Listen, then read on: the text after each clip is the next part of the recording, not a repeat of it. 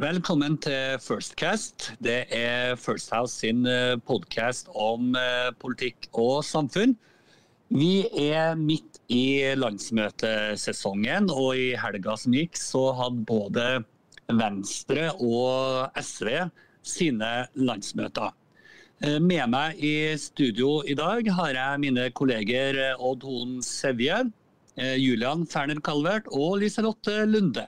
Jeg heter Ole Berge, og velkommen til denne episoden av Firstcast. Ja, Liselotte, du har jo en fortid fra Venstre.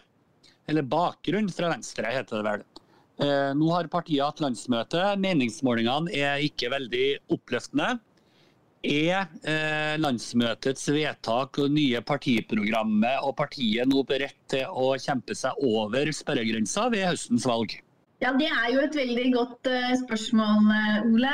Først og fremst så vil jeg nok uh, si at dette var et landsmøte som egentlig gikk veldig rolig for seg. Det var ikke noen store konfliktsaker. Det var lite dramatikk og lite intern uenighet.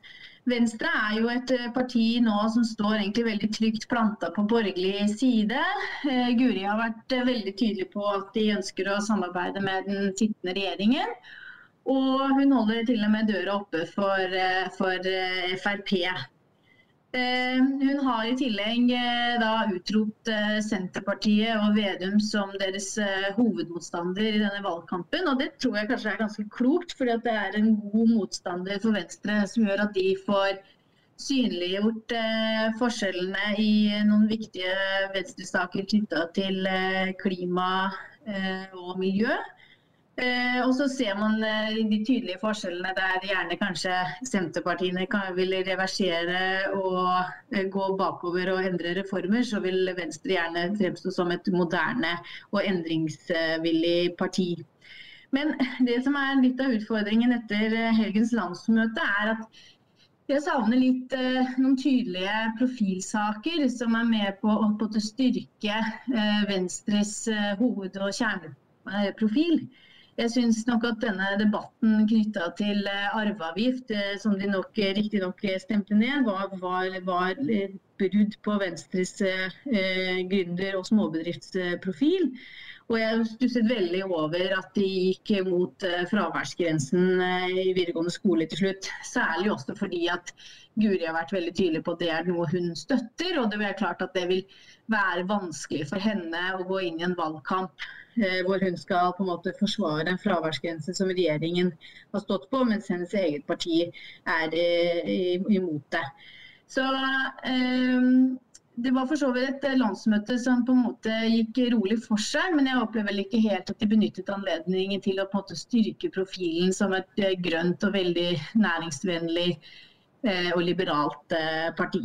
Venstre har jo tidligere også vært veldig tydelig på Eh, støtte for små og mellomstore bedrifter osv. Og, så kommer de med en eh, ny versjon av formuesskatten. Den skal ikke fjernes allikevel. Og så får de ganske kraftige reaksjoner fra næringslivet på det, særlig fra, eh, fra NHO, har vi lest gjennom eh, helga.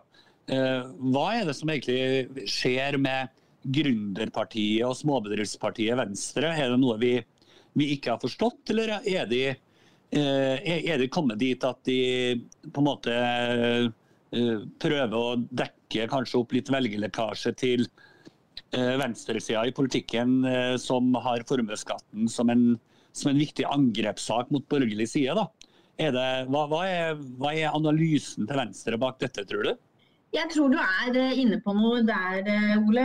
Altså for å ta næringspolitikken først, så er jo den, den er fortsatt uh, grønn. og det Venstre ønsker å gjøre det lettere for folk til å starte sjøl. Og de ønsker at det skal være nok startkapital for sånn at småbedriftene kan komme i gang. Men eh, det har bygget seg opp en slags eh, skal vi si, en dårlig samvittighet overfor de velgerne man nok har mista til venstresiden i løpet av de siste eh, åtte årene når man har samarbeidet med sittende regjering. Eh, og om det på en måte er et arbeidsuhell eller egentlig bare et eh, utfall av intern uenighet, så er det en, en, en vilje og en lyst til å prøve å lokke disse velgerne tilbake igjen ved å fremstå på en, hva skal man si, en mer uh, sosialliberal uh, måte i politikken sin. Og Der syns jeg jo at debatten om arveavgift og debatten om formuesskatt egentlig er et veldig godt eh, eksempel på det. Men så er det jo et paradoks at de samtidig vedtar at de ønsker å kutte i sykelønna. Eh, det tror jeg ikke er så veldig mange andre partier som ville vedtatt eh, midt under en pandemi, men det er en kjent og kjær debatt eh, i, i, i Venstre. Som jo viser at der vant faktisk de liberale stemmene frem. Ja, det, det, er alltid noen morsomme vedtak på alle partiers landsmøter som kanskje ikke alltid henger sammen med andre vedtak som gjøres samme helg, men, eh, men det var, var, en god observasjon. Men eh, Odd, eh, du har jo fulgt eh, skattedebatten i Norge over mange år. Både fra statsministerens kontor og fra Stortinget og, og, og fra andre roller du har hatt i, i næringslivet. Hva tenker du, og hva tror du Høyre tenker om Venstres eh, nye eh, politikk på skatteområdet. Vil dette på en måte irritere Høyre, eller vil det ikke spille så stor rolle? Nei, altså, Det er klart, det, er litt, det, skaper, det kan skape litt sand i maskineriet i valgkampen for Høyre. Fordi da skal de jo stå på uh, samme scene som uh, Venstre, uh, som vil argumentere for Eh, en politikk som er noe helt annet enn Høyre sin. Men ikke minst av hva regjeringa har gjort i mange år.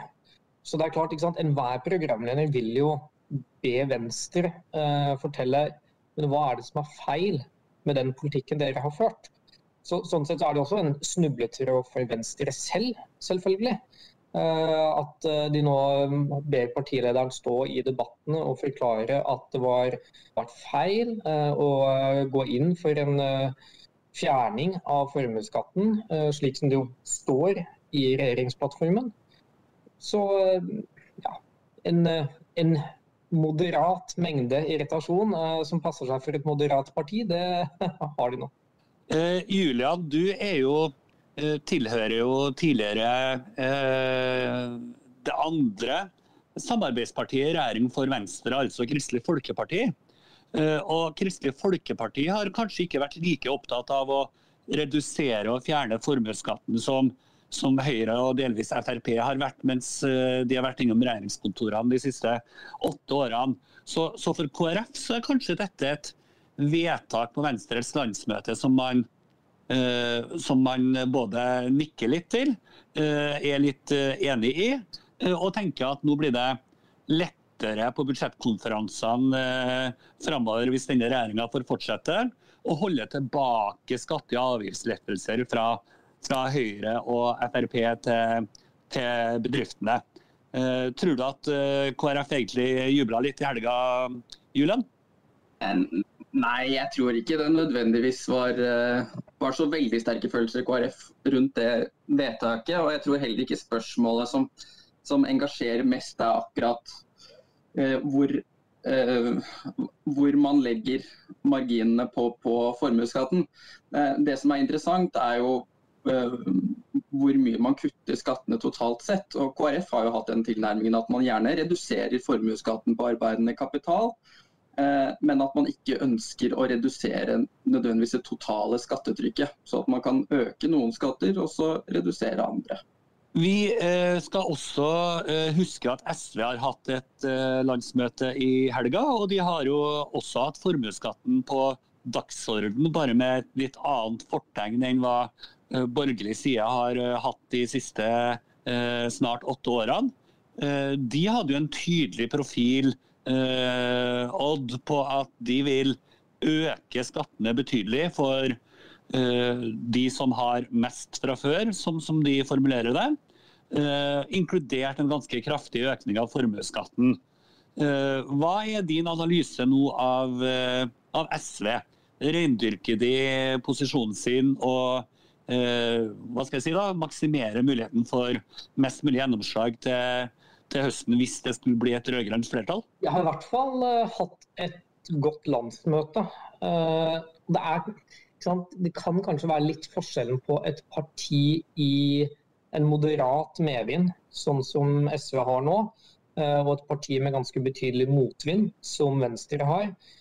Fordi, altså, og snak, Da snakker jeg om dekningen, egentlig. fordi eh, Venstre hadde jo helt klart en del saker oppe på sitt landsmøte og en del voteringer som hadde det vært Venstre, så tror jeg de hadde fått mye mer vanskelige spørsmål knytta til hvordan en del av tingene henger i hop. F.eks. på at de jo skal ha en veldig restriktiv linje på å bygge ut uh, vindkraft, samtidig som de har veldig ambisiøse klimamål og industrimål. Um, to ting som i mitt hode i hvert fall er litt vanskelig å forene. Men det etterlatte inntrykket sånn i det store og hele etter det landsmøtet, det vil jeg si at det var et parti som uh, kom ut av det med en veldig tydelig profil på de sakene de kjører frem som det viktigste, som er klima eh, og eh, større omfordeling. Av, og gjennom særlig økt skattlegging av de med størst inntekt og størst formue. Så SV vil jeg si at uh, har god grunn til å være fornøyd etter landsmøtet sitt. Men uh, Liselotte, uh, hvis man ser de to landsmøtene i sammenheng. Du sa jo at Venstre var tydelig forankra på borgerlig side. men samtidig så gjør man noen politiske vedtak som på en måte går i retning av det samme, bare med mye mindre styrke, holdt jeg på å si. Av det samme som SV gjør. Uh, jeg tenker da på at Man skal eventuelt gjeninnføre en arveavgift, man skal verne eller i hvert fall beholde en moderat formuesskatt.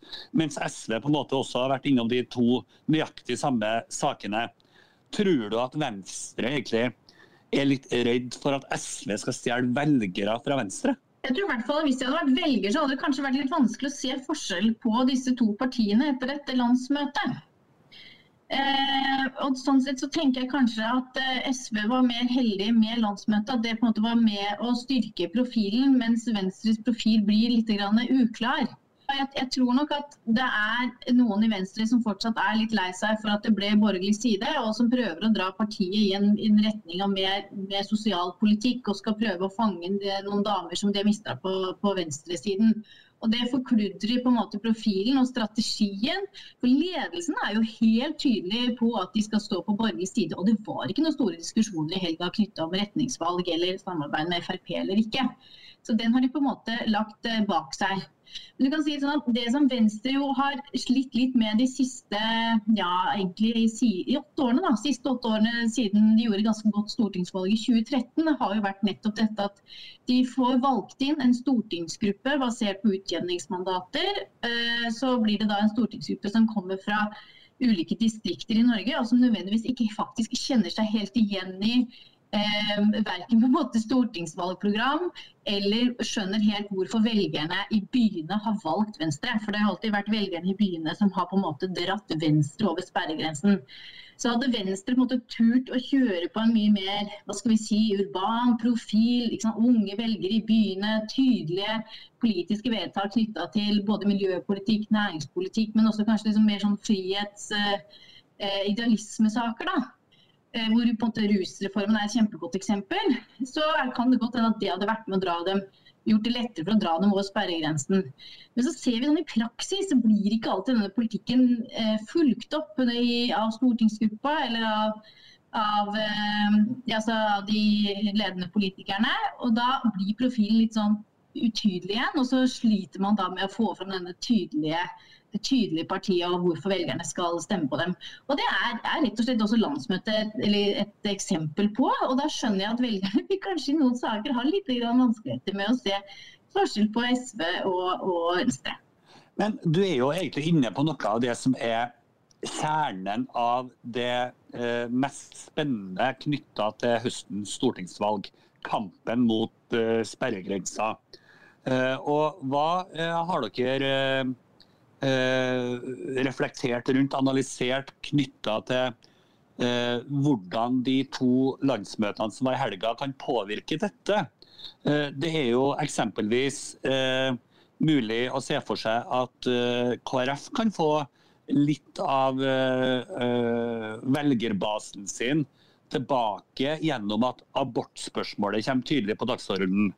Men vil man også se noen påvirkning knytta til MDG og Venstres mulighet til å komme over sperregrensa fordi SV eventuelt tar flere velgere som er opptatt av miljø, som er opptatt av sosial utjevning, urbane, høyt utdanna velgere, eh, som også MDG og delvis Venstre absolutt slåss om. Jeg vet ikke, Julian, du, Har du gjort noen refleksjoner på det? Altså, jeg, jeg, mener at det kanskje er det største spørsmålet eh, i år. Det er jo da hvilket, hvilke partier er det som kommer over sperregrensa. Og SV har jo tidligere slitt med sperregrensa, men gjør det egentlig ganske godt nå. Eh, og Det har kommet litt sånn i skyggen av at Senterpartiet gjør det fryktelig godt. Så er SV langt unna å ha noen bekymringer rundt sperregrensa. Men både Venstre, KrF, og Rødt og MDG eh, sliter med sperregrensa. Og Jeg tror det er en litt optimisme eh, i KrF rundt at eh, SV går så langt som de gjør i abortspørsmålet nå. Det gjør det, det, er ikke sånn at SV-velgere plutselig begynner å stemme KrF, men det gjør at velgere som er i nærheten av KrF, og som, som ønsker eh, en mer restriktiv og ikke en mer liberal abortpolitikk, blir motivert til å stemme KrF. Odd, du eh, har jo på en måte eh, forska litt på i hvert fall eh, lest og, og, undersøkt mye på meningsmålinger og, og stemmegivning. Tidligere så har jo eh, i hvert fall eh, enkelte hevda at det har vært en ganske stor andel med høyrevelgere som har stemt på eksempelvis Venstre for å få de over sperregrensa. Tror du at eksempelvis uh, Venstre sine vedtak om formuesskatt på landsmøtet sitt i helga reduserer lysten for høyrevelgere til å stemme taktisk for å få Venstre over sperregrensa til, til høsten? Og er det egentlig så stor uh, taktisk stemmegivning som samfunnsdebatten i hvert fall tidvis kan tyde på? Nei, altså når det kommer til formuesskattspørsmålet, så tviler jeg sterkt på det av flere årsaker. For det første fordi eh, også blant Høyres, Høyres velgere så er det ikke så mange som, hvor det er den aller viktigste saken. Eh, I tillegg så har jo Høyre, og det, det burde jeg ha nevnt i det første spørsmålet ditt, så har jo Høyre også moderert sitt standpunkt på formuesskatt. For nå vil jo Høyre for neste periode fjerne formuesskatten på arbeidende kapital. Eh, og det er jo i og for seg mulig å forene i et eh, standpunkt som Venstre har om eh, en skatt på formue generelt. Man skiller mellom såkalt næringskapital og privat formue. Og så på spørsmålet om altså dette med taktiske velgere altså jeg tror En av de tydeligste undersøkelsene jeg har sett, var vel handla om i hvilken grad altså Hvordan regjeringssammensetningen kunne bli. Hvordan det kunne påvirke velgerne. Og Da var det vel noe sånt som 10% av velgerne som sa at det kunne påvirke eh, hvem de ville stemme på. Så Slik sett så kan du si at det er noen eh, velgere som kan mene at de ikke vil stemme på Venstre, eh, fordi at de kanskje kan havne i regjering med f.eks. Frp. Eh, og det finnes noen velgere som ikke vil stemme på Senterpartiet, fordi at de kan havne i regjering med SV. Men andelen er jo ikke spesielt høy. Uh, samtidig så er det jo for et parti med Venstre, da, hvor marginene er så små som det de er nå, for å nå sperregrensa, så betyr liksom selv et potensielt tap på 10% av velgerne de kunne ha fått, eh, kan jo være om de kommer over sperregrensa eller ikke. For fordi Vi skal jo ikke lenger enn tilbake til 2009. Så fikk jo Venstre 3,99% Så det var 0,1 prosentpoeng unna sant, å være over sperregrensa. Så eh, for Venstre så er de små marginene i de taktiske stemmene kan bli avgjørende på valgdagen. Men Lise Lotte, du var så vidt eh, inne på det i sted. Eh, Senterpartiet var tydelig utpekt som hovedmotstander for Venstre. Eh, Venstre har velgerbasen sin i Oslo og Akershus i stor grad. Urbane, unge velgere. Og Senterpartiet er åpenbart mye større i litt rurale eh, områder av eh, Norge, selv om de også har eh, vokst i storbyene. Men vil denne konflikten eh, dyrkes for å øke en slags by mot land-konflikt inn i valgkampen for Venstre? Og hvordan vil det eventuelt slå ut internt i Venstre, som jo da har mange distriktsmandater sittende på Stortinget som følge av utjevningsmandatordninga. Så, så, det jeg egentlig tenker på er, er det samsvar mellom den strategien Venstre nå har valgt, og det budskapet som Venstres stortingsrepresentanter vil fronte i valgkampen.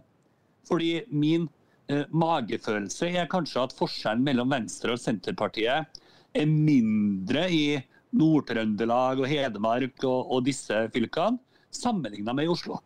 Så hvordan skal man håndtere det på en god måte?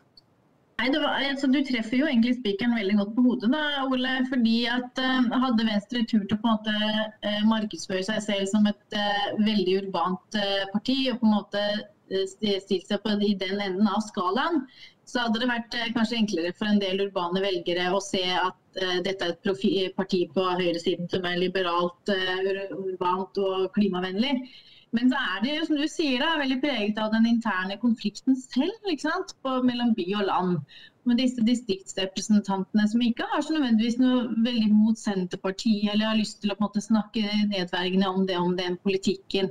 Og det er jo, ikke sant, Venstre gjorde også en del vedtak nå i helga knytta til landbrukspolitikk. De vet at, vedtok at eh, man skulle beholde overføringene på samme nivå, og man skulle ikke gå mot burhøns. Og, eh, sånn at de, de, de, strides jo helt klart internt. Så jeg er også spent på hvordan denne strategien, hvor godt er den egentlig forankret, og hvordan vil den eh, se ut i praksis, og hvor langt tør de faktisk eh, å gå. Men det er noe sånn, på en eller annen gang så må man på en måte stikke fingeren i jorda og se at de velgerne som vi har reddet nå venstre over sperregrensa gang på gang, har vært velgere fra eh, urbane, urbane, strøk. Det er eh, snart eh, andre partiers eh, landsmøte også. Eh, det skal vi selvfølgelig følge tett her i First eh, Cast. Men oppsummeringa fra ekspertpanelet vårt for denne helga kan kanskje oppsummeres med at SV hadde et godt landsmøte som styrka sin profil, mens Venstre hadde flere vedtak som kanskje skapte noe mer uklarhet på kort sikt. Men hvordan det vil slå ut på valgdagen, er vi litt mer usikre på. Eh, dette var denne ukas eh, episode med Firstcast. Takk til dere som eh, lytta på. Takk til Lise-Lotte, Odd og Julian. Vi håper at dere kommer med tips og innspill til hvilke tema og gjester vi bør ha med oss i Firstcast framover.